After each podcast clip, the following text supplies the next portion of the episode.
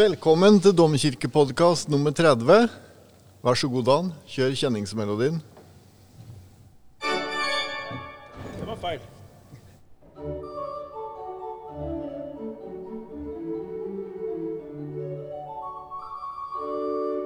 Vi driver jo og presenterer orgelet med den kjenningsmelodien. Ja. Så du dro på litt sånn blokkverk til å begynne med der. Ja. Men så gikk du på noe mykere. Det er den som heter spissfløyte 8, som vi er veldig vakker stemme i hovedverket, som vi bruker ofte, både som solostemme og som ja, kan kompe en salme eller veldig anvendelig stemme. Fløyte, ja. Litt Ja. myk. Det ligner jo litt på fløyte, men det, ja. Det, og det, begge de er sånn det vi kaller labialstemmer. Så de ser jo litt like ut. Den der prinsipalen som vi har drivet og vist, det er jo den man ser når man ser bilder av orgelet eller ser orgelet, den som står i fasaden. Ja. Og det er jo da et sånt labium et sånt, uh, som spalter luftstrømmen, sånn som på ei blokkfløyte. Ja. Det som lager lyden. Så etter hvert skal vi i gang med rørstemmer, vet du. Da blir det Det er noe annet. Det blir moro. Det er de stemmene som vi organistene må til å stemme noen ganger. Det er litt mer sånne ustabile, holder ikke stemminga like godt som labialstemmene. Hvor interessert tror du folk er i dette, bortsett fra organister? Ja, det er eh, Det har vel litt med måten vi klarer å legge det fram på. Ja. Altså, alle emner kan jo bli veldig interessante hvis de som legger det fram, er flinke nok til det. Så det, det står Ja. vel litt på oss, det her. Ja, og vi legger det jo fram med en veldig sånn lun humor. Og, ja, i ja, hvert så fall det det. regner jeg med skal bli bra. Eller hva tror du, Endre Fyllingsnes? Jo, jeg er jo fast eh, lytter og ikke organist. Ja. Så, eh, så jeg syns klarer det går veldig bra. Jeg lærer masse av å høre på podkasten. Hjertelig velkommen, Endre. Du er ny sogneprest i Domkirken. Det er vi så utrolig glad for. Veldig flott å ha deg her. Um, og så er det jo da en, Nå er vi tilbake på galleriet her til, i Domkirken. Det er to domorganister, Dan René Dahl og meg, som heter Tor Erik Moen. Og så har vi jo med oss vår nestor og støttekontakt Jan Henrik Ilebøk. Hjelpemann på bil. Så Ja, så seter at vi Det er vårt eh, profesjonelle alibi, da. Jan Henrik har holdt på med podkasting i mange år i NRK. Jeg tenkte da litt som en sånn innledning om du kunne spille litt mer på den fløyta. Og nå er det snart jubileum for en fransk komponist som heter Camille Saint-Saëns. Han har skrevet en del orgelmusikk, men han er mest kjent for kanskje noen sånne vakre melodier. Ja, Han er vel kjent for, mest kjent for det verket som han ikke ønska å bli kjent for, nemlig 'Dyrenes karneval', som er et humoristisk verk i utgangspunktet. da. Ja. Men det er jo en melodi inni der som heter 'Svanen', som er litt sånn Det er den mest, den mest seriøse delen av det verket. når Han skildrer svanen. da. Det er veldig sånn vakker og karakteristisk melodi for den komponisten. Ja, flott. Jeg må høre litt på. Er har du arra det sjøl? Nei, det er ikke jeg som har arra. Det står i et hefte med musikk til begravelser som Kåre Nordstoga, domorganist i Oslo, har gitt ut. Veldig flott og anbefalesverdig hefte. Ja. Anvendelig til mye mer enn bare begravelser. Ja. Men her står altså det arrangementet da, av Saint-Sans 'Svanen'. Ja, da lener vi oss tilbake. Hører på det.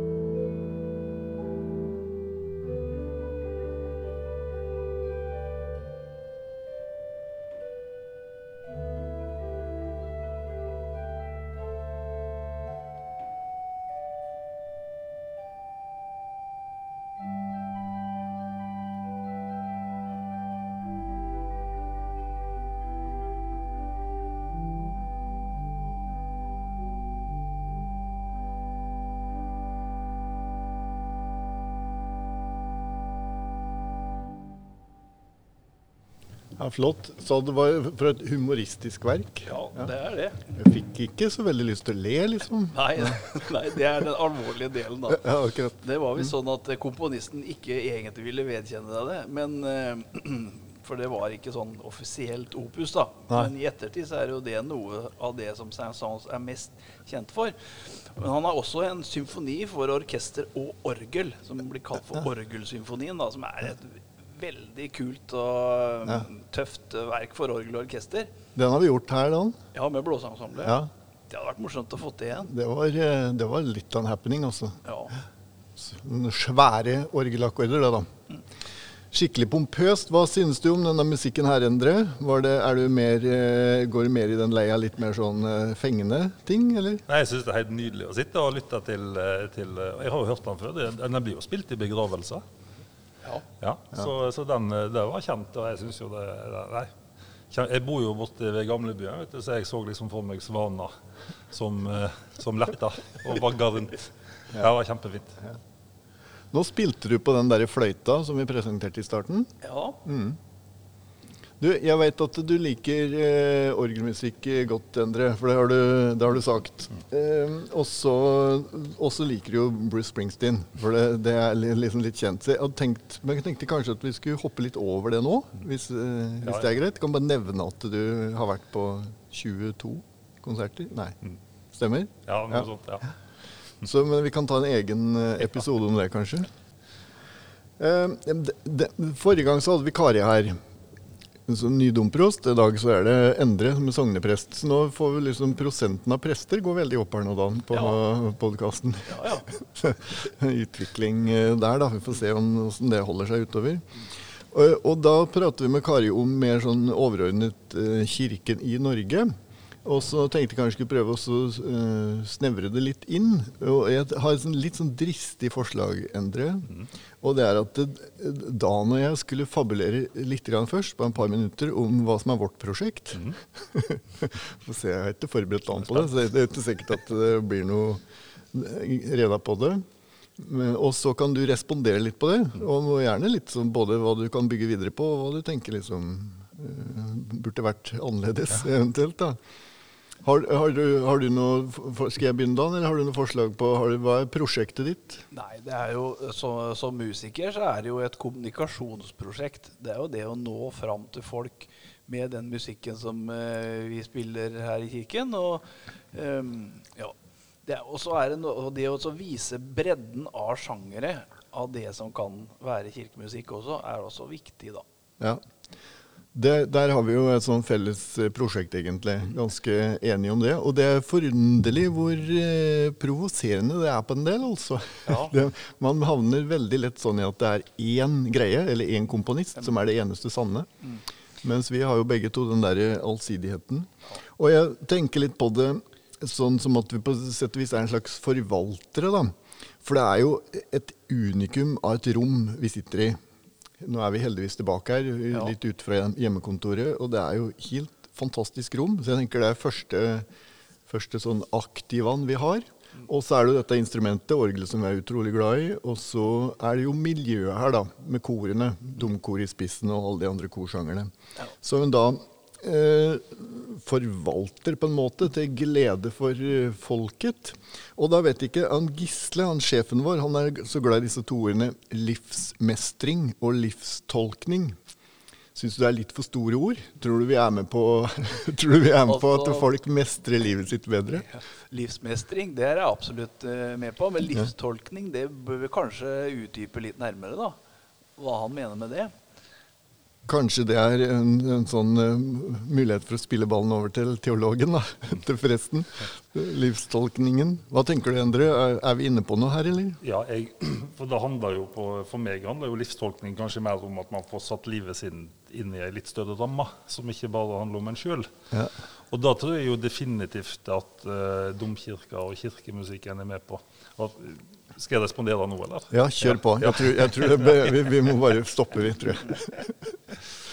Eh, nei, for, eh, for, for meg som prest så handler jo liksom, liksom grunntonen i det å være prest og gjøre tjeneste her i domkirka. Det handler om to ting. Det handler om å, om å få folk inn i kirka, og det handler om å få kirka ut til folk.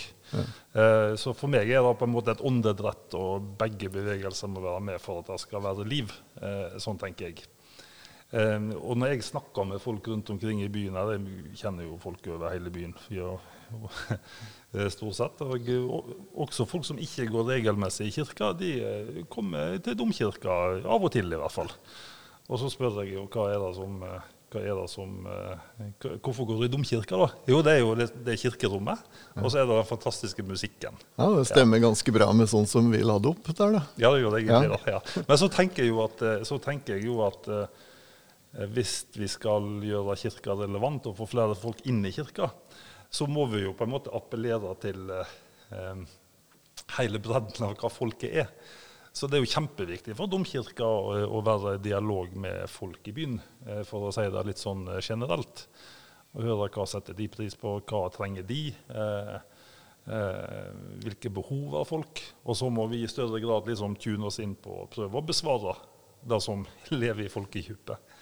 Det er svære oppgaver som er oppgaver vi aldri blir ferdig med, tror jeg. Mm.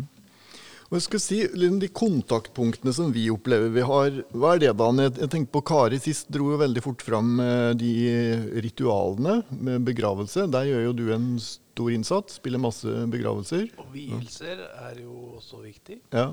Og så har vi jo gudstjenestene. Og så har vi jo en del, eh, del annen konsertvirksomhet bør vi kanskje ta med korøvelser inn i bildet òg, for der er det jo også en kontaktflate med korsangere. da. Ja, men spiller ballen litt over til Jan Henrik, da. Jeg opplever jo det at korsangerne har et veldig vakuum nå, som de ikke kan komme i kirka.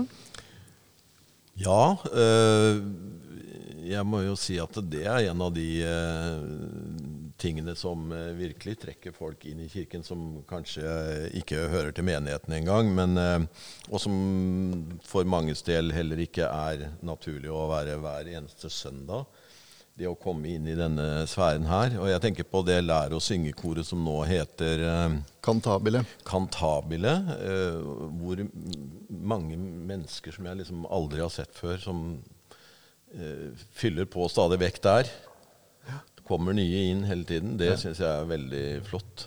For det gjør, det, det gjør jo noe med oss å, å, komme inn i et sånt rom og høre lydene og musikken. Ja. Det som, eh, det som jeg eh, opplever med korøvelser med, med domkoret, som jeg dirigerer, er jo det at uh, vi øver jo for å presentere et så bra resultat som mulig til publikum, men det er jo også en veldig flott måte å samles på. Både å studere musikken og ikke minst eh, tekstene. Eh, er, jo, er jo, Som regel gjør vi jo veldig bra musikk og ofte veldig bra tekster. Så det å fordype seg i de, sitte i rommet her og fordype seg i tekstene, er jo en veldig sånn god eh, samværsform, for å si det sånn. da.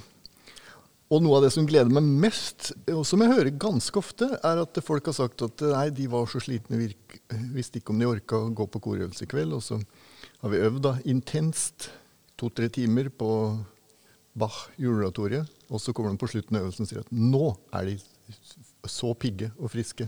så det at man skaper energi, er en veldig flott ting å høre. Og når en kommer eh, hjem eh, den uka som følger etter øvelsen, så lever jo mye av det materialet og forsterker seg ofte ting som en kanskje aldri har sunget før, som, som begynner å tre eh, fram. Musikken trer fram. Det syns jeg jeg opplever. Ja. At det, det, ligger i hodet helt til neste øvelse. Ja. Disse kontaktflatene som vi har vært inne på nå, Endre, er det, hvordan er de liksom i forhold til presteyrket generelt, og, og, til deg mer personlig? Hva, hva tenker du om, eh, om, det?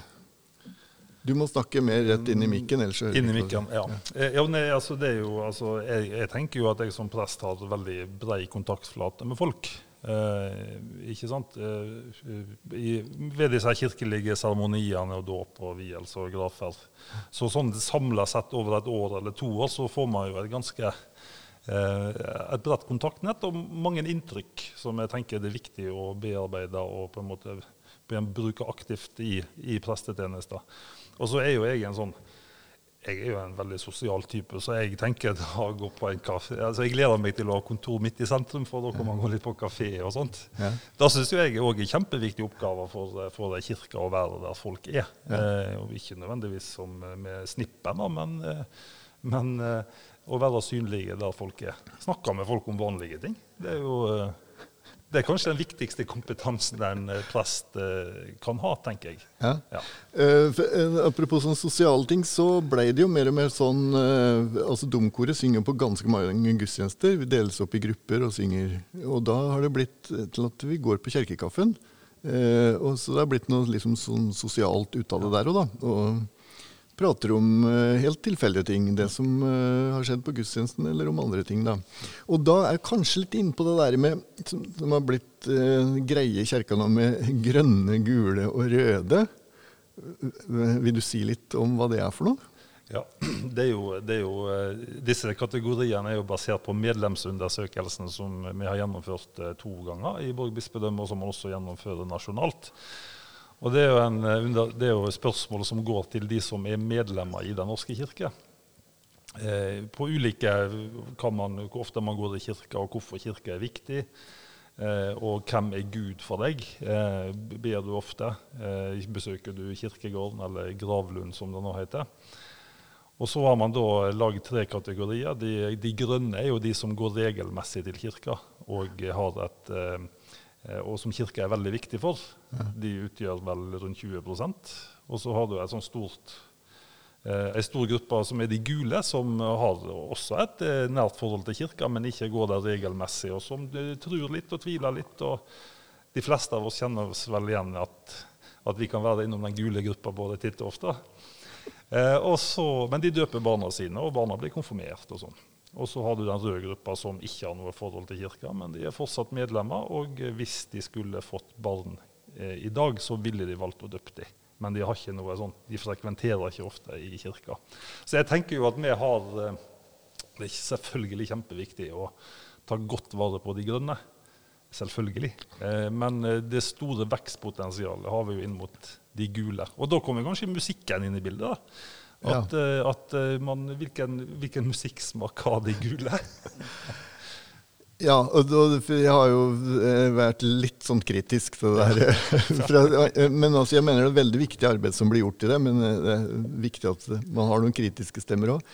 Så for at eh, jeg tenker at i hvert fall hvis man begynner å snakke om eh, gul eller rød musikk, så er man på skikkelig feilspor. For jeg tenker at all musikk er både grønn, gul og rød. da. For det, det er alle mulige slags folk i alle, alle kategorier. Men jeg kjenner meg, jo- jeg møter jo stadig folk som som eh, begynner med å forsikre meg om at de ikke er religiøse.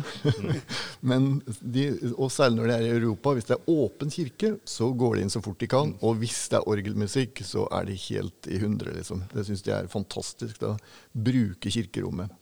Så det er jo noe vi snakker om eh, her nå. Kan nesten si et satsingsområde, Endre. At vi skal ha mer åpen kirke. Og det var jo, Vi hadde jo stabsmøte tidligere, eh, stabsmøte tidligere i dag, og da sa jo kirketjeneren Barbro at eh, nå når vi har hatt åpen kirke under koronatida, så kommer det dobbelt så mange mennesker som det gjør ellers.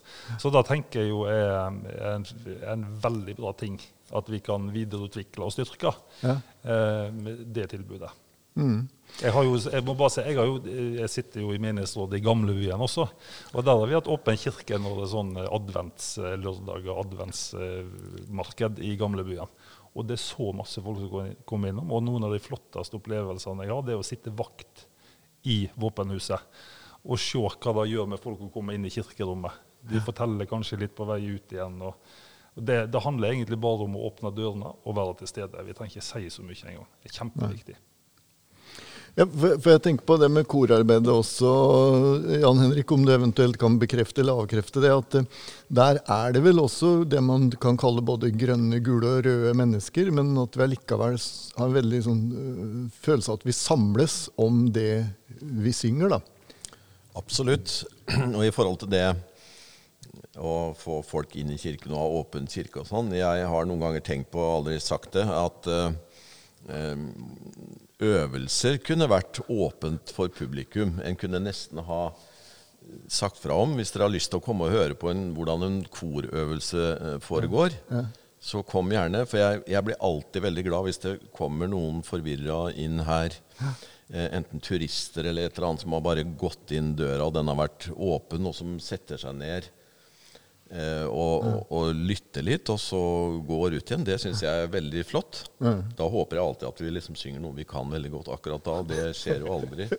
For det er jo ikke så morsomt å høre på en halvtimes terping på et, eh, et tema og kår og ter og Nei, det er noe der. Men eh, når folk kommer inn i domkirka her, og Dan øver i gåsetegn, så er de alltid uh, fornøyd. For at uh, Dan han er jo den sjeldne egenskapen at han spiller aldri feil. Ja. Han er, han er ikke helt enig sjøl, men i hvert fall at du, du, det blir veldig fort, for ikke å si med en gang, musikk av det.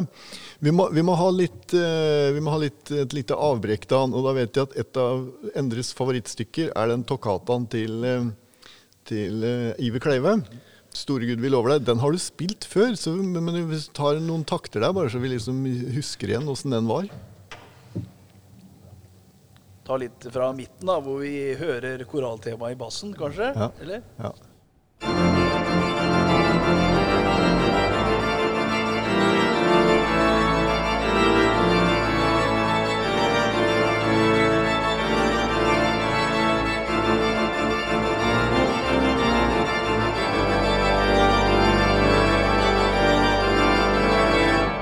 Er heftig, Endre. Jeg får skikkelig frysninger på ryggen. Jeg må fortelle først. Jeg var jo vikarprest i Domkirke i 2005. og Da jeg, eh, hadde jeg en sommergudstjeneste der, og så var det noen turister innom.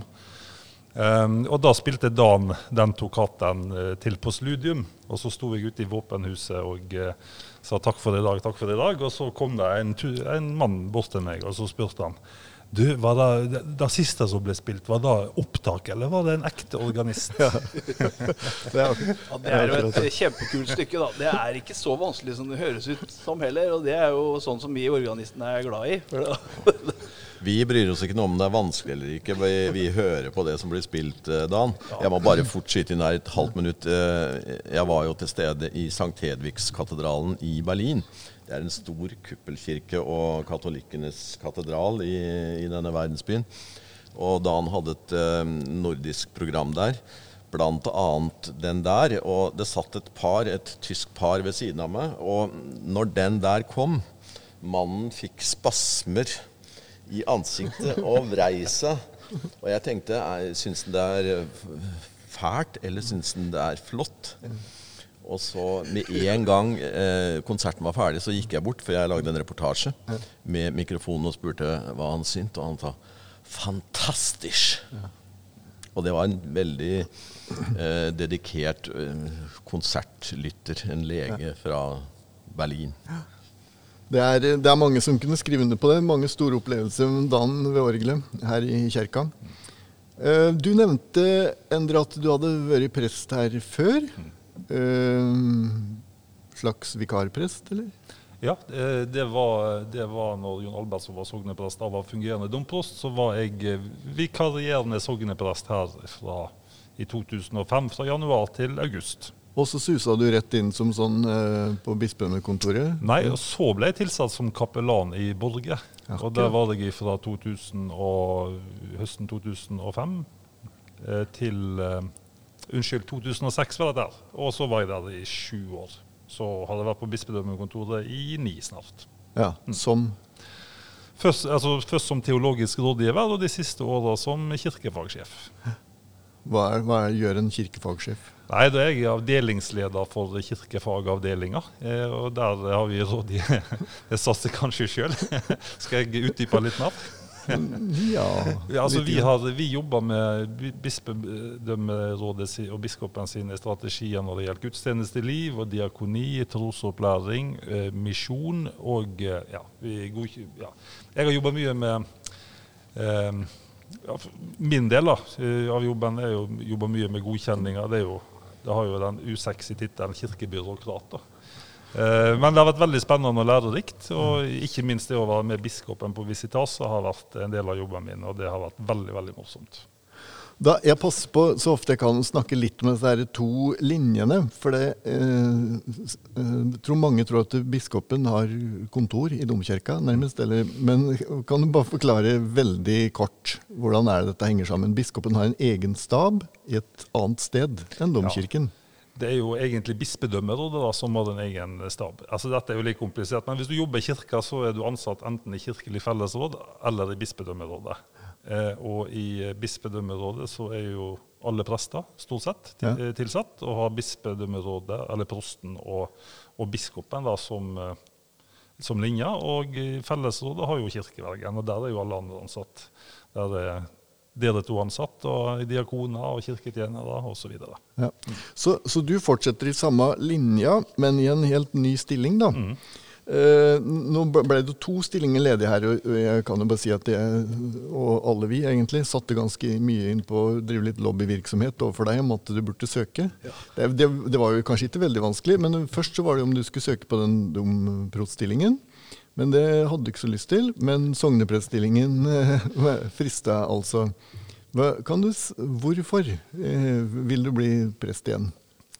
Jeg, eh, jeg, liker jo jeg, liker veldig godt, eh, jeg likte veldig godt å være prest både når jeg var her og når jeg var i Borge. Så jeg hadde liksom, jeg streka veldig imot. Det var egentlig kona mi som pressa meg til å søke på stillingen på bispedømmekontoret. For da hadde vi små barn, ja, så da slapp vi jo helgearbeid. Ja. Eh, men jeg syns jo det er fantastisk å, ha, å, holde gudstjeneste og være ute blant folk. Eh, jobbe med forkynnelse, tenke hvordan vi skal være kirke der vi er. Og så har jeg jo, egentlig siden jeg var i 2006, eh, så har jeg alltid liksom kjent at domkirka har vært en plass som, som Jeg har liksom tenkt at det hadde vært fryktelig gøy å jobbe fast i domkirka. Det var bare åtte måneder som vikar. Det var jo liksom ingenting. Så, eh, og så er jo ikke denne stillingen ledig hvert år. Det var 26 år siden sist, faktisk. Så da var dette et godt tidspunkt for, for meg å tenke litt nytt. Og, så, jeg synes jo det, jeg har jo både vokst opp på landet og vært prest på landet. Altså Borge må jo kalles litt mer landsbygd enn eh, Sisingong, i hvert fall. Eh, så da hadde jeg veldig lyst til å, til å jobbe med da å være kirka i et bysentrum, med de utfordringene som da innebærer, og mulighetene. Det blir flott. Det er, det er liksom en, uh, nye koster her nå, Dan. To, både ny domprost og ny sogneprest. Ja det ble en stor overgang. Og så i, da i tillegg får uh, dette med ny liturgi og relativt ny salmebok, så er det, det er en, starten på en ny epoke. Ja. Vi har drevet øvd her nå, rett før podkasten, ja. på nytt liturgisk materiale. Det er inspirerende, det. Ja, ja. Hun sjunger bra, det, det hele prestestaben det er, når det gjelder det, så er det å si at, eh, det, at en prest kan synge, det er jo en bonus. kan man si. Det er jo ikke noe krav at en prest skal være god til å messe eller synge. Er, men når en først er god til å synge, så er det jo utrolig mye kult en kan finne på. Ja. Med liturgisk musikk òg. Hva slags forhold har du til stemmen din, Endre? Jo, jeg, må, jeg, hadde jo, jeg, hadde jo, bestemt meg på praktikum for at jeg skulle synge. Jeg syns det er veldig fint å synge. Altså, det er veldig fint å sitte og lytte til nattverdliturgien og prefasjonen når de blir sunget. Så jeg bestemte meg for at jeg skulle begynne å synge når jeg ble prest. Og så husker jeg første gudstjeneste jeg hadde offentlig. Da var jeg i domkirka. Og jeg var helt gjennomvåt av svette etterpå, men jeg følte det gikk noenlunde greit. Og Da var det Guttorm Ilebekk som var domkantor der, og han kom til meg etter gudstjeneste. Så sa han at du kan jo synge, men du er veldig usikker. Så vi møtes, og så øver vi til å sitte. Og da gjorde vi eh, en eh, tirsdagskveld en onsdagskveld, og det var liksom skikkelig karusellen på nytt igjen. Nei, kom igjen! Så etter det så ble jeg veldig trygg på å synge i gudstjenester. Men bare sånn at jeg er forberedt. Nå har jeg hatt ni års pause fra det å være prest, så nå må jeg begynne litt på nytt igjen. Og da er jeg helt avhengig av å øve sammen med domkantorene. Kanskje hyre inn Guttorm igjen da, eh, til å ta et uh, oppfriskningskurs ja, med Endre? Ja, det er ingen dårlig idé, syns jeg. Jeg gruer meg alltid litt når det kommer en ny prest som jeg aldri har hørt før, eller noe sånt, og som, som begynner å synge. For noen ganger så uh, kan jo det være litt overraskende, for å si det positivt. Ik ikke fordi at jeg forlanger at at, at, folk skal kunne synge i enhver sammenheng. Men, eh, men jeg tenker eh, Jeg, jeg syns litt synd på vedkommende. Ja. Og det er veldig deilig når det kommer noen som virkelig blåser til og, og er flinke til å synge. Ja. Det er, det er jo en, også en litt krevende situasjon, for denne kirka er jo så lang, som vi har eh, snakket om mange ganger. Så, så det, er, eh, det er lurt å øve litt på det, da. Det skal vi gjøre. Du, det er en liten ting jeg kom på. Jeg så du hadde endra profilbildet ditt på Facebook, Endre. Men eh, det forrige bildet, der var du ikke alene. Alltid lurt på hvem det var du hadde med deg der. Det var faktisk, det var på tide å bytte profilbilde fordi at, eh, at uh, det forrige jeg hadde, var fra bryllupet vårt. Da. Det er jo 18 år siden. Og jeg har jo både blitt, fått litt mindre hår og noen ekstra kilo siden den gangen. Men jeg tror ikke det var kona di du Det var ikke kona mi. Da var, altså, da var altså en av mine bestekamerater fra oppvekst og ungdomsår som heter Tor Magne. Og han, eh, han var um, en fascinerende gutt som var født med en veldig ja, en sjelden form for muskelsvinn, da, som gjorde at han var Han var um, ja, han ble, altså, ja, Det er en lang historie. Han, med alle sine begrensninger så var han eh, midtpunktet i gjengen eh, og var alltid med på alt. Eh, og så døde han da eh, når han var 32 år gammel, i ei ulykke. Da velta han med rullestolen. Og så døde han. Og da hadde vi avtalt at eller han hadde sagt til meg at, eh, at eh, du må ha begravelsen min den dagen jeg dør. Og da hadde jeg sagt ja til. Og da hadde jeg en avtale at det skal må ikke være sånn trist begravelse. Vi må ha det litt gøy. Vi samler jo gjengen. Så da hadde vi en eh, morsom begravelse. Og så gråt jeg i tre uker etterpå. husker jeg. Så da, da bildet har jeg liksom bare for å minne meg sjøl på. Er, er dette på gjengen fra barneårene eller Ja, ungdomsårene? barne- og ungdomsår. Mm. Og hvor, hvor, hvor er vi da? Da er vi i Nordhordland, eh, halvtime 40 minutter nord for Bergen. Eh, der ligger Nesna på rekke og rad innover Osterfjorden, og et av de nesene er Fyllingsnes. Så der eh, er jeg odelsgutt til et småbruk som heldigvis min bror har overtatt. Ja. Jeg tror både jeg og han er veldig fornøyd med det. Var, var, det, var det et kreativt ungdomsmiljø? Var det Hva, Gikk dere på bedehuset? Eller Ja, jeg vokste opp på bedehuset, og så gikk vi jo masse i kirka òg, da. Så, så det var, men det er liksom bedehuset jeg har som min bakgrunn, og, og der eh, jeg, eh, det, det var en veldig fin oppvekst. da. Eh, Vi fikk prøve oss både i ungdomskor og på leir og som ledere og sånt, så, så det var fine tider. Så må vi se tilbake igjen på med, med stor glede. Har fortsatt mange venner i dagmiljøet. Ja, Ja. ja. Når var det, var det der du tenkte du skulle bli prest, eller den tanken oppsto? Ja, jeg studerte egentlig teologi fordi at jeg hadde tenkt jeg skulle bli journalist. Aha. Eh, og eh, teologi er jo en ganske sånn brei allmennutdannelse med språk og historie og ja, litteratur, eh, alt mulig. Så, eh, og så vokser vel egentlig prestekallet fram i løpet av studietida pga. noen viktige forbilder som jeg fikk som veiledere og som lærere og sånt. Hvem var det? Så, Geir Hansen. Akkurat. Eh, han, eh, han var lærer på praktikum. Han døde nå, så jeg dessverre. Jeg Sto i avisa. En veldig fin veldig, En mann som ga veldig mye. Og så var Hans Erik Raustøl. Han var, eh, han var vel kapellan i Oslo domkirke på den tida. Og var sånn, vi øvde på gudstjeneste med han, da. Og han, det var alltid nydelige gudstjenester i domkirka, så jeg tenkte at da åh, Tenk å få gjøre tjeneste i et sånt kirkerom. Ja, ja. Så masse flott. Ja. Ja. Eh, har, har, vil du liksom si at det har vært en slags eh, stor utvikling fra den barndomstida til nå? Eller eh, er det er både likheter og utvikling, sikkert? Ja, Sånn. eh, ja det, altså, det stor utvikling. Men Jo da, altså ting har jo Mens du tenker deg om, så kan For jeg liksom fisker litt etter at jeg har vært snart 40 år nå i jobb i kirka, og jeg syns jo de tiårene har jo Det har jo skjedd eh, veldig mye. Eh, ja. Har du lyst til å kommentere det? Sånn Kirken i endring, eller Ja og jeg tenker jo at eh, altså, alt er i endring, eh, og selvfølgelig. Eh, og det hadde jo bare vært kjemperart hvis ikke kirka også endrer seg. Eh, og det skjer jo på bedehus òg. Det er jo veldig fascinerende. Og, eh, for- vi har ofte en sånn oppfatning av at bedehuset, der står tida stille. Den gjør jo ikke det. det skjer ting der òg. Og jeg er ikke ofte på bedehusmøte eh, når jeg er hjemme på Vestlandet, men av og til når det passer. Og eh, det jo, jeg syns det er en sånn fin ting på bedehuset, så har man jo plutselig begynt å få litt mer liturgi. Man har trosbekjennelsen som man reiser seg og sier sammen. og sånt. Det hadde man jo ikke før. Da var jo det litt skummelt og liksom skulle stivne i en eller annen form. Ja. Eh, og man har mer lovsang, eh, altså karismatisk inspirert lovsang og annet musikkuttrykk. Og, eh, så da, sånn er det på bedehuset. og jeg tenker sånn, altså Vi er jo en del av verden, Selvfølgelig, på, på den måten. Her, i, her i Østfold så er jeg vel også kjent for at det var en sterk bedehustradisjon.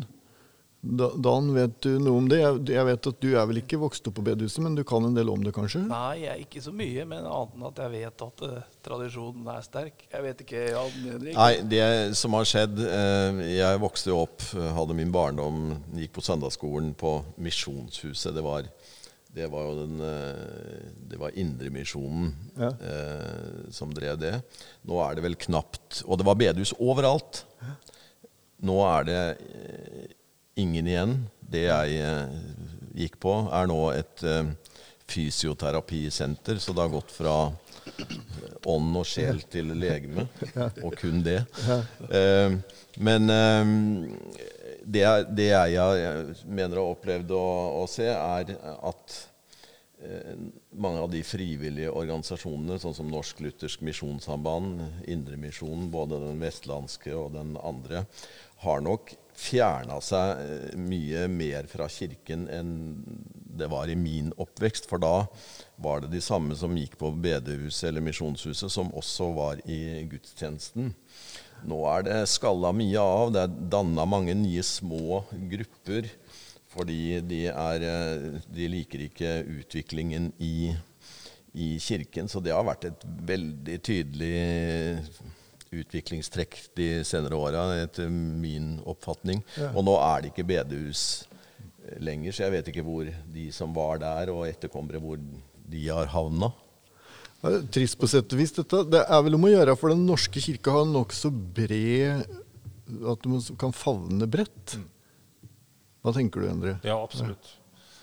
Eh, og det er jo da vi eh, Altså, jeg tenker jo eh, at vi er Norges folkekirke, som står i Grunnloven. Da, grunnloven det handler jo om at uh, intet menneskelig skal være oss fremmed, for, for, for å si det sånn. Og at vi må kanskje tenke på um, ja, Det var et seminar på nettet i går i forbindelse med utdeling av Olavsstipendet. Som, Der det er to prester som har forska på hvordan kirka in, er i interaksjon med lokalsamfunnet.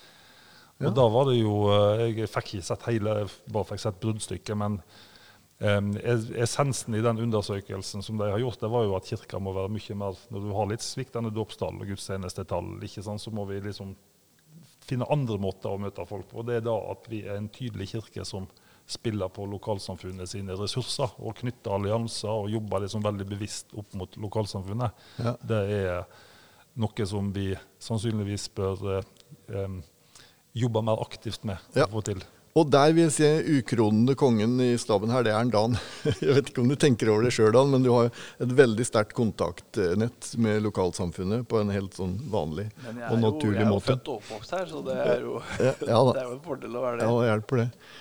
Eh, Jeg lurer på om vi skal gå mot eh, slutten. Hvis det ikke er noen som har noen sånn famous last word, så skal vi høre på Dan eh, drar til med litt mer sånn Hva skal vi kalle det? Fengende stykke. Ja, det, blir, eh, det er noe som jeg driver og øver på for tida. Da. Så jeg vet ikke om jeg har det helt inne, men det heter altså carillon. Det betyr jo kirkeklokker. Og det er Louis Vierne som har skrevet det stykket. Fransk komponist som hadde jubileum i fjor. Ja, men det er ikke det, er ikke det kjente stykket. Nei, han har jo også den som er over Big Ben-signalet. Ja. Den har vært innom her på en tidligere podkast. Men Ja. han har også en som er over klokkene i kapellet i Chateau de Long Point.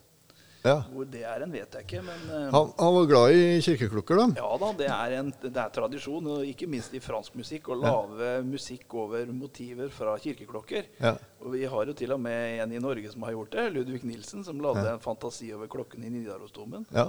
Det er fire klokker der, Ja. som er en sånn der durakkord med en tillagt sekst. Ja. Som begynte liksom med, med at de klokkene spilte, da, og så falt orgelet inn i de samme tonene.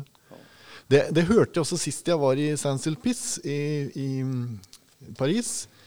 Uh, Vierne han var jo i, i Notre-Dame, Ja. som den andre store kjerka der. da. Ja. Men Saint-Sulpice er en veldig berømt organist som heter Daniel Roth. Og uh, det var veldig tøft. Da ringte kirkeklokken, og så begynte han å improvisere litt sånn på den 32-foten. Det var bare liksom så vidt du hørte en sånn dyp tone som liksom vokste ut av uh, kirkeklokkene.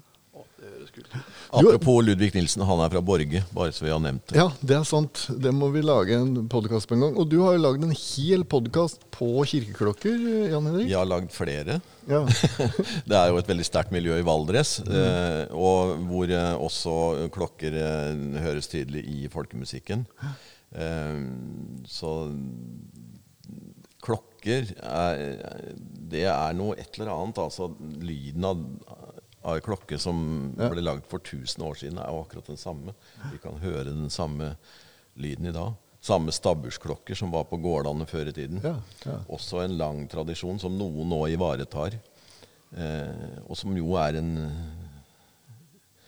en lyd som er viktig. Og lyd er viktig identitetsmerke. Det er jo stadig noen sånne småreportasjer fra tårnet her, eh, så vi får ta kanskje en egen podkast om det òg. Eller ta en tur opp der og ta litt bilder og høre på klokkene.